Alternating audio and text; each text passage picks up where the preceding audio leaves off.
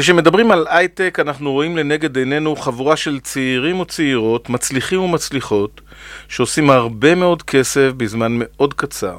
כאלה שמקומות העבודה שלהם מפנקים ומאפשרים, כאלה שחיים כל אחד לעצמו ודואגים בעיקר לעצמם, לאקזיט. זוהי התדמית. רחוק רחוק מהתדמית הזו קיים קואופרטיב הייטק יחיד מסוגו בשם סופי, על שם אלת החוכמה.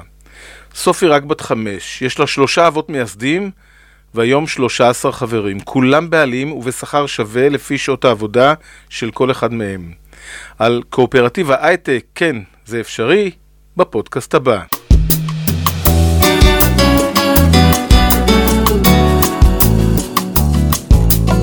שלום רב לכן ולכם, אנחנו עם עוד פרק של כלכלה בראש אחר, הפודקאסט של משרד הכלכלה והתעשייה, האגף לאיגוד שיתופי. מפיקה עורכת הדין איה חאג' יחיא, אני יוסי אינדור, העורך והמגיש.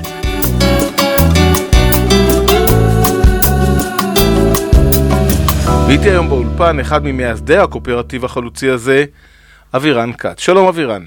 שלום, שלום. שמע, אחרי כל הפתיח הזה, זה מחייב הסבר הרבה יותר עמוק, הרבה יותר רחב, למה מתכנת שיכול להרוויח מיליונים בלב תעשיית ההייטק, מחליט ללכת ולהקים קואופרטיב. הסבר. אז האמת, שכשעזבתי את המקום עבודה הקודם לפני הקואופרטיב, זה משהו שהרבה גבות הורמו, אה, וגם במשפחה ובסביבה הקרובה. אמ, גם אני וגם עוד חברים בקואופרטיב, אנחנו מגיעים מרקעים חברתיים כאלה ואחרים, חלקנו בוגרי תנועות, בוגרי אה, גרעין נחל, ורצינו לייצר מקום עבודה שהוא קודם כל לטובת העובדים. אמ, ואז קואופרטיב זה איזשהו מבנה שמאפשר לעשות את זה בצורה מאוד מאוד קלה. בקואופרטיב העובדים הם, ההנה, הם ההנהלה, אז אין קונפליקט ביניהם לבין ההנהלה. ונוצר פה איזשהו מצב שיש הלימה של אינטרסים. אמ, אז עצם זה שאנחנו קואופרטיב זה כלי לשרת את זה שנהיה מקום עבודה שהוא קודם כל לטובת העובדים. בהייטק זה נכון שיש... רגע, אבל אתה היית בקואופרטיב, השתחררת מהנחל, היית בקואופרטיב אחר שנכשל. תראה, זה, אתה מדבר על קואופרטיב בשותף. כן. אה, מכולת קואופרטיבית בירושלים, שהייתה קיימת אה, אה, לא מעט שנים. מבחינתי, קואופרטיב בשותף הוא, הוא די סיפור הצלחה. זאת אומרת, הוא הגיע ל... למרות שהוא נסגר. למרות שהוא נסגר. Uh, הוא הגיע ל-400, uh, יותר מ-400 חברים.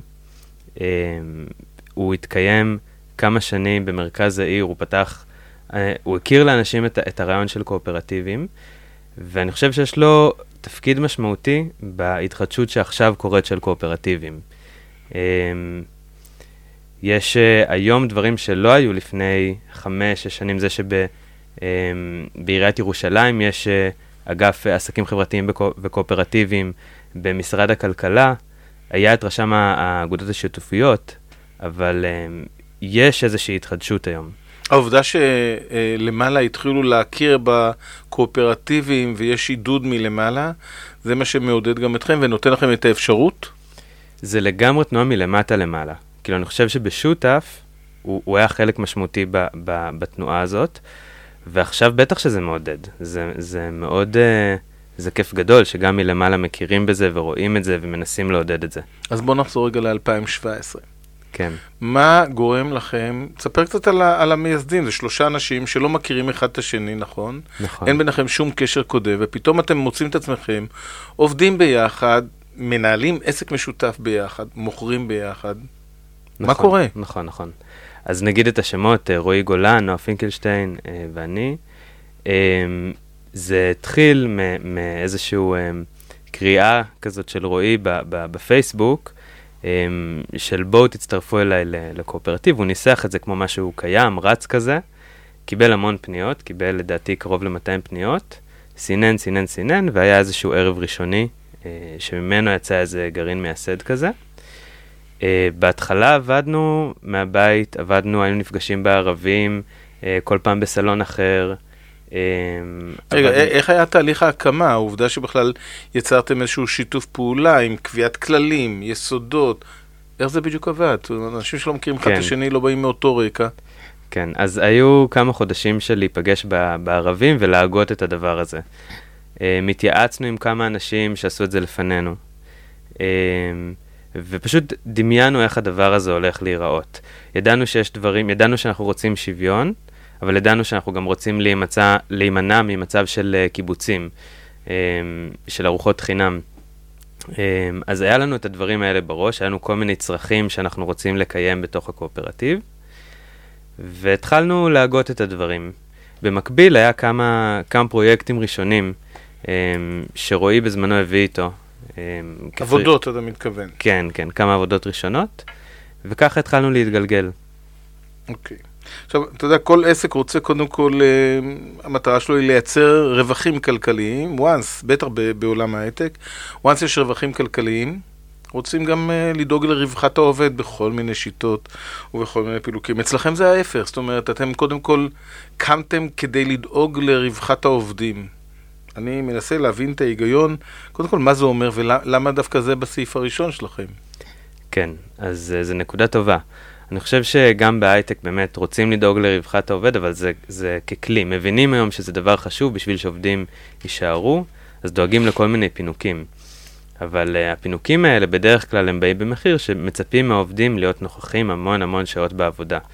Um, אצלנו לא יהיה כנראה חדר פלייסטיישן אף פעם, אבל כן נעבוד מעט שעות. זה, זה התרגום אצלנו של רווחת העובד. לא, אבל העובדה שאתם משתכרים לפי שעה, שהוא שכר שוויוני בין כולם, נכון? נכון. לפי כן. שעה. לא קשור לכמה יכולות וכמה תפוקה, כל אחד נכון. מקבל את אותו שכר. כולנו שותפים, שותפים כן. לעסק, כן. כן, העובדה הזאת היא לכאורה, אוקיי, אתה אומר, אנחנו עובדים מעט שעות, וממה מתפרנסים? כן, אז מתפרנסים מהעבודה שלנו. מהמעט שעות אה, האלה. אז כל אחד עובד לפי, uh, לפי יכולתו, ו, ויש אנשים שעובדים יותר, יש אנשים שעובדים פחות. מי שעובד יותר מתפרנס יותר טוב, אמ, אבל לכל אחד יש את האפשרות לעבוד יותר. כן, אה, אין שום מתח סביב לעבוד מעט. זה משהו שמאוד מאוד, אף אחד אצלנו לא... אף אחד לא מסתכל על השני כמה הוא עובד? ממש לא, אז כן. איך אתם דואגים לעסק שהעסק יקודם? אז כן יש, יש אחריות. יש לכם אינטרס כן, משותף הרי. יש לנו אינטרס משותף, זה נכון, ויש אחריות על פרויקטים ומול לקוחות. אז כן אנחנו, כל אחד אומר פנימית כמה הוא מתכנן לעבוד. אני, בתקופה הקרובה, בחצי שנה הקרובה, אני מתכנן לעבוד 80 אה, שעות בחודש, למשל. ואז מתכננים עבודה סביב זה, זאת אומרת, כן יש איזושהי מחויבות. אבל זה בסדר לעבוד 80 אה, שעות, זה בסדר לעבוד, אף אחד אצלנו לא עובד 180 שעות, אה, אבל זה בסדר לעבוד 120 שעות, וזה בסדר גם לעבוד 40 שעות. אמ, כל עוד, כל עוד זה שקוף וכל עוד מתקשרים את זה, אין שום מתח סביב זה. איך מיישמים את אותה שיטה שאצלכם אה, לעסקים אחרים, לעסקים קטנים, לפריפריות, למקומות אחרים שלא באים מאותו רקע ערכי או אידיאולוגי או מחשבתי על שיתוף? אני מדבר, בואו נאמץ את השיטה. כן. איך, איך, איפה זה עוד יכול להתקיים? אז אני חושב, אמ, בעוד עסקים שמציעים שירותים, זה יכול להתקיים. אמ, יש קואופרטיב אה, מטפלים, אמ, יש אה, קואופרטיב uh, סאונד, קואופרטיב הגברה, זאת אומרת זה קיים גם בארץ ובעולם יש עוד המון דוגמאות גם של קואופרטיבי תוכנה. ואני חושב שבמגזר השירותים זה ממש קלאסי. וכן כל קואופרטיב יש לו את הצרכים שלו ויהיה לו את המחשבה שלו והמנגנונים שהוא ייסד לעצמו שיתאימו לו, uh, וזה בסדר. אמ, אבל... אה, מה, מה אתה אומר לצעירים ששואפים להגיע להייטק כי הם יודעים שהם הולכים לעשות קופה? שאנשים שבאים כדי להרוויח הרבה מאוד כסף, בוא, בוא תשכנע אותי למה, למה לא לעשות את זה. כן. אז בקואופרטיב כמו שלנו, אין שום, אה, זה לא סטארט-אפ, אין השקעה מבחוץ. אה, הכסף שיש זה הכסף שאנחנו מרוויחים מפרויקטים. זה לא בלון. זה לא בלון. נכון, גם עכשיו, שאנחנו שומעים על המון סטארט-אפים שנסגרים וכל מה שקורה בהייטק, אנחנו, לא שאנחנו לא נחווים מזה, לא שזה לא... אבל uh, אנחנו לא במצב קרוב לדברים ששומעים בחדשות בכלל. Uh, וחלק מזה זה כי זה לא בלון. זה אומר שגם לא חגגנו כמו שחגגו בשנים הקודמות במקומות אחרים. אתם לא חיים מגיוסים. נכון, אנחנו לא חיים מגיוסים. Um, אז עסקים כאלה, וזה לא קשור עם קואופרטיב או לא קואופרטיב, החגיגה יותר קטנה וגם הנפילה יותר רכה. אמ, אז אם זה פתרון ל- לאנשים בפריפריה, אני חושב שכן. אם זה פתרון לאנשים ש... אם הפוקוס של אדם הוא פשוט להרוויח כסף, לאו דווקא. יכול להיות שאם הוא מוכשר, שילך לעבוד בגוגל או מייקרוסופט. אבל אם הוא רוצה... לא, אתה אומר משהו שהוא קצת בעייתי, זאת אומרת, אתה אומר, אם אתה לא מוכשר, תבוא אלינו. לא, אם לא, אתה לא. מוכשר- לא. אם הפוקוס של אדם הוא להרוויח כסף, וזו ההגדרה שלו לרווחה, וזו המטרה שלו, זה לאו דווקא הדבר שמתאים לו. אבל אם הוא רוצה לייצר מקום שיש לו בעלות על, ה, על המקום, והוא יכול להיות חלק מההיגוי של הספינה הזאת, והוא רוצה, יש לו מחשבה בראש על... אצלנו יש לנו מחשבות על, על משמעות ועל עשייה שיש לה איזשהו... תכף תכף נגיע לעשייה שלכם בענייני הסביבה. כן, כן. אבל תמשיך את אז- הנקודה שרצית להגיד. אז כשמגיעים למקומות כאלה, אה, אני, אני מרגיש שבקואופרטיב היום, איכשהו במתכונתו הנוכחית, אה, זה המקום שבו יש לי הכי הרבה השפעה שהייתה יכולה להיות לי. אה, והדבר הזה כשלעצמו זה תחושה מדהימה, אה, ואני חושב שזה משהו מאוד משמעותי. התמהיל הזה ש, שנקרא איכות חיים זה גם כסף וזה גם עוד דברים. אצל כל אחד יש משקל שונה לדברים האלה. אה, ואני חושב שבשבילי, אני, אני לא אדבר בשם אנשים אחרים, הקואופרטיב מסמן המון המון צ'קבוקסים.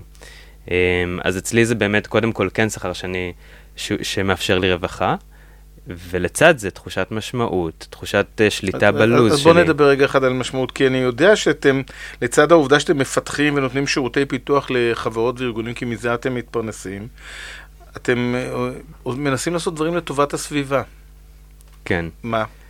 אז um, אנחנו מנסים, הפוקוס בפרויקטים שאנחנו לוקחים, אנחנו משתדלים שהם יהיו פרויקטים עם איזשהו ערך מוסף. זה יכול להיות חברתי, זה יכול להיות סביבתי. Um, אז למשל uh, עבדנו עם ארגון חיים וסביבה, שהם ארגון הגג של, ה, um, של הארגונים הירוקים uh, בארץ.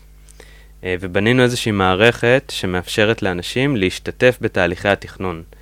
Um, אז אנשים יכולים לראות שם מה מתכננים לבנות לאדם, או בתחום שמעניין אותם, אם מעניין אותם אנרגיה, הם יכולים לראות מה קורה בתחום הזה, להגיב על תוכניות, והנציגים של החברה להגנת הטבע, או כל מיני ארגוני סביבה שמגיעים לוועדות האלה, מקבלים איזשהו digest כזה, איזשהו סיכום של ההתייחסויות של האנשים, ומביאים את זה בפני הוועדה.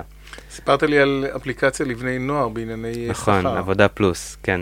זה פרויקט אה, שאנחנו מאוד מאוד גאים בו, אה, פרויקט שאנחנו עושים, הנוער עובד והלומד, שבעצם מאפשר לנערים להבין יותר טוב מה הזכויות שלהם בעולם העבודה, לעזור להם במיצוי זכויות. בעצם יכולים לתעד שם את כל השעות שהם, שהם עובדים, ואפליקציה מייצרת להם ממש סימולציה של תלוש עם כל הזכויות הסוציאליות ושעות נוספות וכל מה שצריך. ואם הם רואים פער בין התלוש שלהם באפליקציית תלוש שהם קיבלו, הם יכולים לפנות, במקרה הזה לנוער העובד והלומד, והם עוזרים להם ב- בהליכים משפטיים אם צריך, או בתקשורת מול המעסיק. אז אם אנחנו מדברים על תרומה שלכם לסביבה, איך אפשר, אה, חשבתם למשל לעשות, להקים אה, חברת הייטק דוגמת זאת שלכם, למשל בדרום, כדי להרים כוחות מקומיים, לעודד צעירים להגיע אליכם, להביא, לפתח. כן. אז uh, להקים חברת הייטק זה מאוד קשה. נשמח ללוות uh, חברות שירצו לקום ולהתייעץ uh, לגמרי. אגב, למ- למה לא להקים? אתם כבר יודעים את הקמנו הפטנט. את זה, הקמנו את סופי. אולי בעתיד סניף כן, בדרום. טוב, תחשבו על זה- תפתחו אופקים חדשים. כן. הלוואי, תשמע, מה שאתה מתאר נשמע מעולה. זה, זה קשה לגדול, זה לא, אה, זה לא משהו שקורה ככה כהרף עין. קודם כל, כשכולם אתה יודע, שותפים... ירדה קבוצת אה, פרסומאים והקימה משרד פרסום ענק במצפה רמון כדי לעודד אה, עשייה מקומית. והם וואלה, מצ... יפה בוודאי, מאוד. כבר הרבה שנים. כן, אז לא, לא הכרתי, יפה מאוד. אז כן, אז הנה, אני מציע לכם רעיון, תחשבו על זה. כן. Um, אני לא רוצה אבל גם uh, לעשות פה גרינווש, מאוד קשה למ- למדוד uh, כמה דברים משפיעים, uh, לא יודע, אם אתה לוקח ב- בתחום סביבה, יש כל מיני מדדים, אתה יכול למדוד uh, צמצום, פליטות פחמן, כל מיני דברים כאלה, אבל נגיד מערכת כמו שאנחנו עשינו, אנחנו מכוונים לייצר איזושהי השפעה, מאוד קשה באמת למדוד את זה. אז חשוב לי גם שלא נעשה פה איזה greenwash ושלא, uh, אוקיי. לא רוצה לצייר uh, מצגי שווא.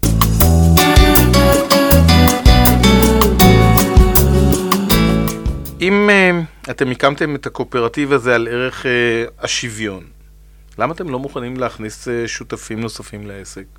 אתם היום כמה? 13? 13. ולמה אתם לא מוכנים להכניס אנשים נוספים?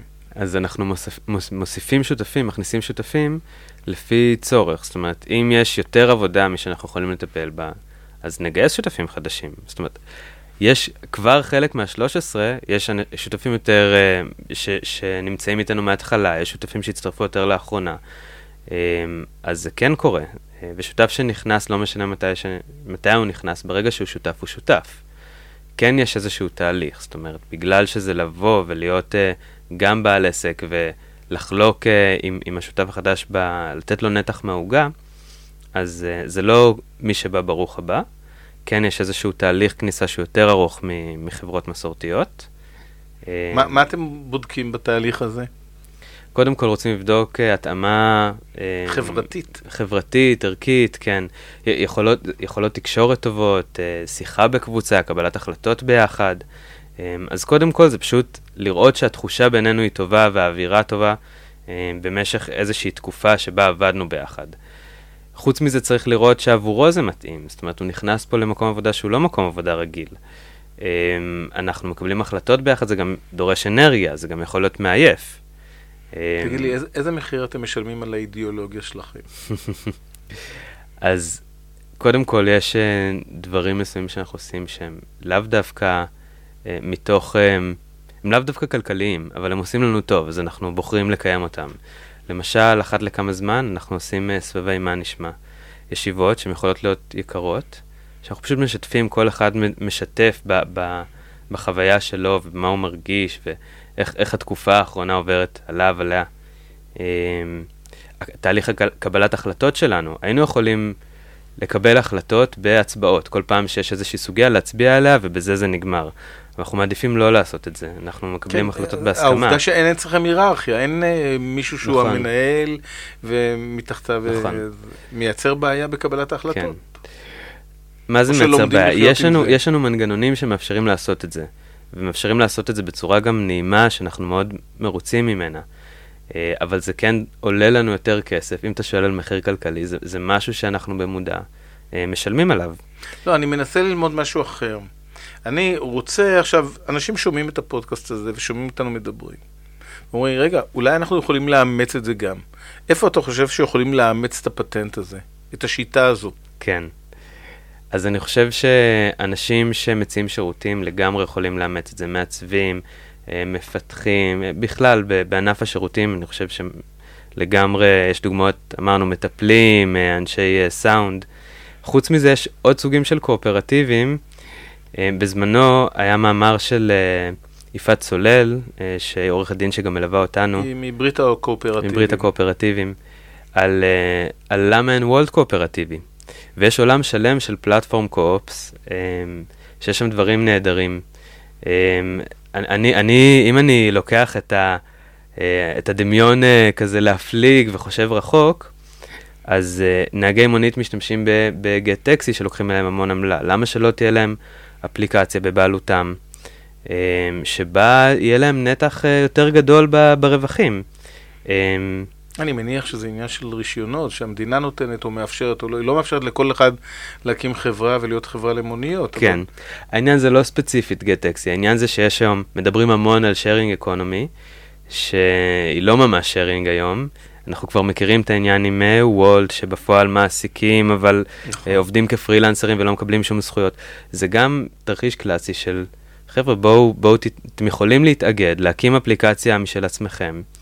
Um, מה זה אתם יכולים? זה לא כזה קל ואין פה שום האשמה לשליחים mm-hmm. או משהו כזה, אבל uh, זה תרחישים קלאסיים שאני חושב שקואופרטיבים יכולים לשפר את, ה, את החיים של האנשים שעובדים בשיירינג אקונומי לחלוטין. תגיד, אתה מכיר עוד uh, בעולם עוד בתי תוכנה שעובדים באותה כן. שיטה של קואופרטיבי? כן. כן? כן, לא מעט. קיים? אז יש, uh, באנגליה יש המון. יש, אנחנו בקשר עם קואופרטיב מארגנטינה, היינו בעבר בקשר עם קואופרטיב מבולגריה. Um, פה אתם די יחידים, נכון? בארץ, למיטב ידיעתי, היום אנחנו יחידים. כן, יש קואופרטיב של מפתחי משחקים בירושלים, שקם ממש לאחרונה, לדעתי בשנה האחרונה. מה יש בירושלים, בעיר הזאת, שמאפשרת ככה הקמת קואופרטיבים, תגיד לי? כן, ירושלים מעצמת קואופרטיבים. משהו באוויר. הבנתי. כן, אז ירושלים זו שאלה טובה. אני חושב, קודם כל, אני חושב שזו עיר שהיא מאוד קהילתית, באווירה שלה. וקואופרטיבים הם מאוד, אה, זה גופים קהילתיים, זה גופים שבדרך כלל אנשים שנכנסים לתוכם, מי שלי יצא לפגוש, זה אנשים שמחפשים את הקהילה, מחפשים את הביחד. אה, אז יכול להיות שזה זה. אה, הייתה בשנתיים האחרונות, אני חושב, תוכנית של עיריית ירושלים שנקראת uh, הגילדה לעסקים חברתיים, ש, שעזרה ועודדה הקמת קואופרטיבים. אתה, אתה מודע לזה שעכשיו משרד הכלכלה מנסה מאוד uh, לעודד uh, פיתוח קואופרטיבי? כן, אני מאוד שמח על זה, כן. אוקיי. אבירן כץ, אתה בהחלט הבאת לנו משהו חדש ומפתיע מעולם ההייטק. המון תודה לך על השיתוף של רבה. הדברים. עד כאן היינו להפעם, תודה אבירן, אני יוסי אינדור, שיהיה לכולנו רק טוב, להתראות.